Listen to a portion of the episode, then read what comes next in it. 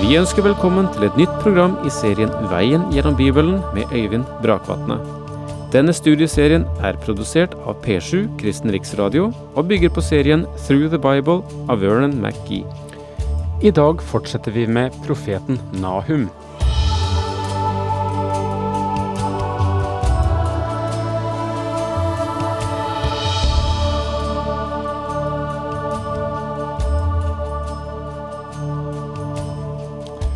Profeten Nahum ble sendt til Asyria, til Ninneve, hundre år efter at Jonah hadde vært der. Under eh, Jonas' profettid gjorde folket eh, bot og vendte om til Herren, og så har landet hatt hundre år på seg til å få festet denne vekkelsen. Ta konsekvensene av å vende om til Gud og bygge sitt land på basis av det som da skjedde. Men ser du, folket følger ikke den linjen, og det er ikke noe nytt i vekkelsens historie. Saken er at folket på ny har vendt ryggen til Gud og konsentrert seg om sine avguder og om sin lettsindighet på den ene siden og den råbarkede holdningen på den andre. Vekkelsen hadde ikke fått slå rot skikkelig, og nå er folket i den situasjonen at Gud igjen banker på deres porter og sier Dommen står for døren. Når Nahum sier i kapittel 1 vers 3, og det er der vi eh, forholder oss nå, at Herren er langmodig, så må du tenke deg at det ligger hundre år mellom den tid da han kalte ved Jonah, og til han nå sender Nahum. Herren er langmodig, men hans kraft er stor, og han unnlater ikke å straffe. Gjennom storm og uvær går hans vei, skyer er støvet under hans fot. Herren er langmodig.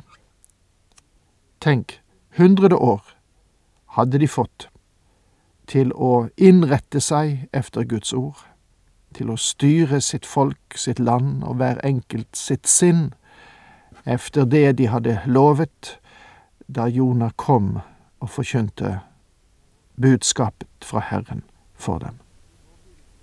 Men de vil ikke. Og nå blir det ikke lenger noen utsettelse. Dommen kommer. Herren unnlater ikke å straffe. Herrens rettferdighet møter oss i hans dom fordi han er langmodig. Det tok ham hundre år å sette i verk dommen mot denne byen, og han er rettferdig når han nå lar det skje. Han kommer ikke til å unnskylde de onde, og han vil ikke fri dem om de ikke vender om til ham. Herren vil ikke la de gudløse slippe, uten at de aksepterer Kristus som frelser, fordi han har betalt straffen for synd, vil mennesket bli dømt. Gud vil ikke styre unna. Det kan han ikke, for han er rettferdig. Du forstår at Guds tilgivelse er annerledes enn vår tilgivelse. Når noen gjør noe galt mot oss, så sier vi jeg tilgir deg, og det er det. En straff er ikke betalt.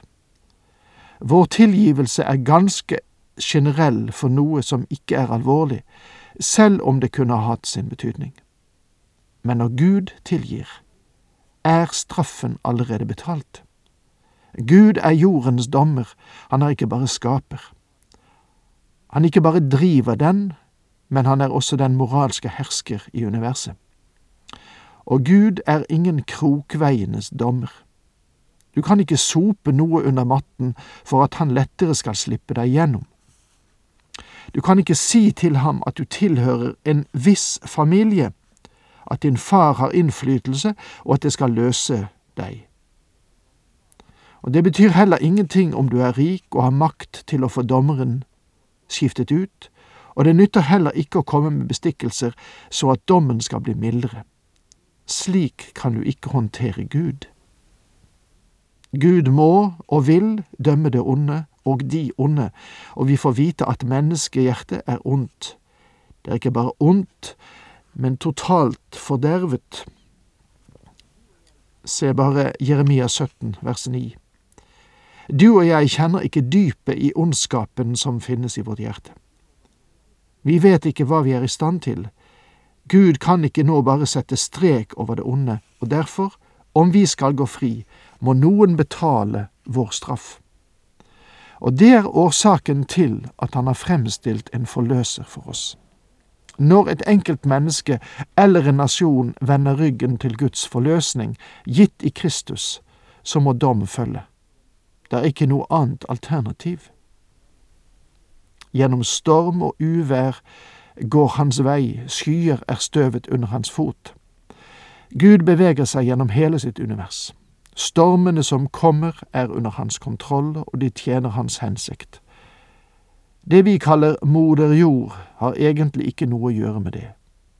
Moder jord gjør det han sier at moder jord skal gjøre. Vår Gud er skaperen, og han er forløseren. Og han er også dommeren. Det er han som driver alt, mine venner. Bare overlat det i hans hender, og hvil i ham i dag, for han er god, han er nådig, han er frelser, og han er langmodig. Han truer havet og tørker det ut, han legger alle elver tørre. Basan og Karmel visner bort, Libanons blomsterprakt dør. Han truer havet og tørker det ut, han legger alle elver tørre. Gud har allerede vist sin makt til å gjøre det. Han tørket ut Rødehavet og Jordanelven, så folket kunne slippe over. Basan, Karmel og Libanon er de tre fruktbare områdene i landet. Karmel er faktisk Estralondalen, og Megiddo var hovedbyen der. Dette er et av de mest fruktbare områdene på jorden. Når du drar videre nordover langs Libanons kyst, hele veien fra Beirut til ruinen av Tyrus, så er det et vakkert landskap. I vårterminen kan du se frukttrærne blomstre, og i horisonten er Anti-Libanon dekket med snø. Frukttrærne, aprikosene og fersknene, alt vokser her, og landet er meget fruktbart. Nahum sier at det vil komme tørke. Fjellene skjelver for ham, haugene skaker og revner, jorden bever for ham, verden og alle som bor der. Han er skaperen, men han er også oppholderen av universet, det er han som holder det sammen. Fjellene skjelver for ham, haugene skaker og revner, henviser selvfølgelig til jordskjelv og vulkanske utbrudd. Du kan holde ham ansvarlig for alt som hender, for flodebølgene og for jordskjelvene som kommer, men hold ham ikke ansvarlig for folket som blir drept i så måte, for mennesket er blitt gitt en intelligens som gir signaler om at man ikke bør bygge for nær elven på grunn av faren for oversvømmelse, bare for å ta noe, da. Mennesker har et ansvar for å handle ansvarlig.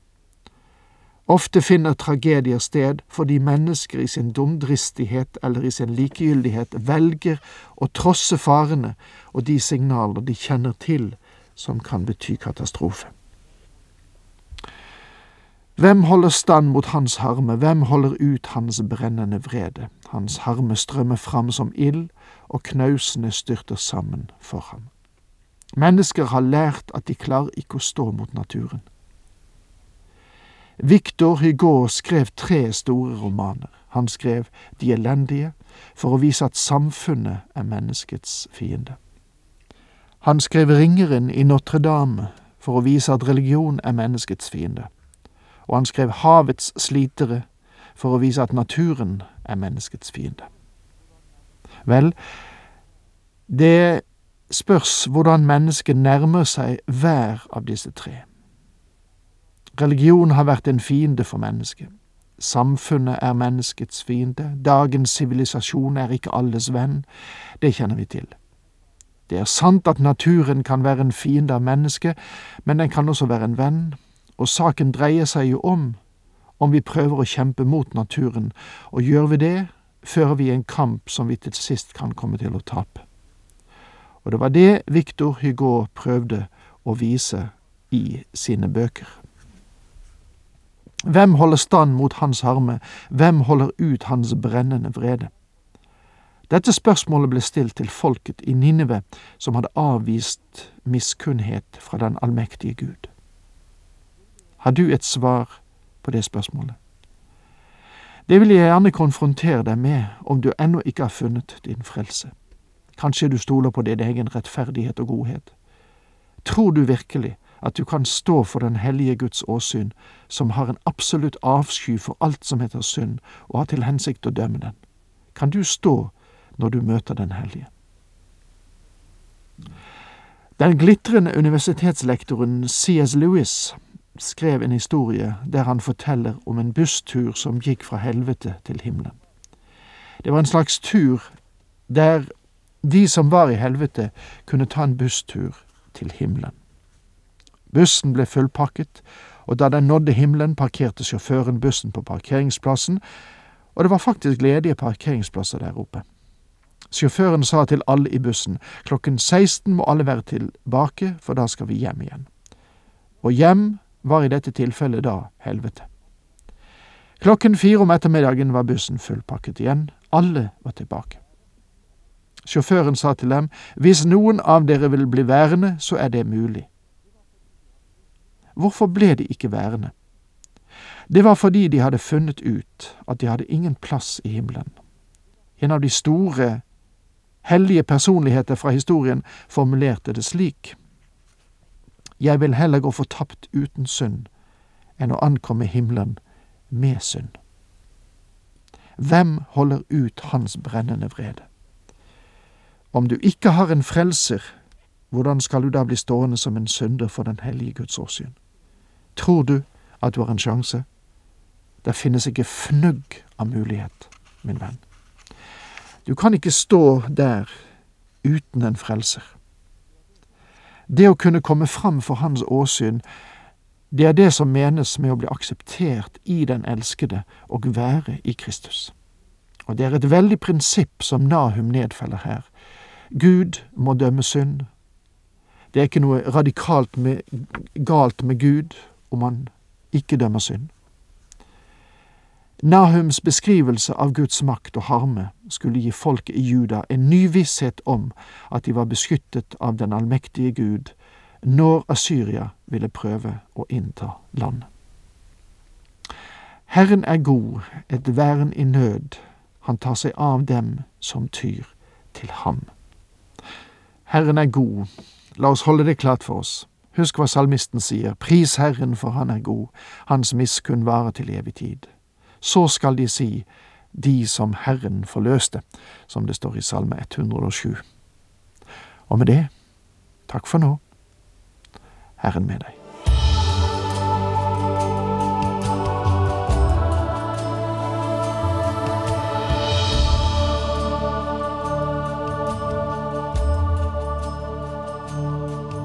Du hørte Øyvind Brakvatne i studieserien Veien gjennom Bibelen. Serien bygger på et manus av Vern McGee. Har du spørsmål eller kommentarer til programmet, kan du sende en e-post til vgb krøllalfa p7.no. Takk for i dag, og på gjenhør.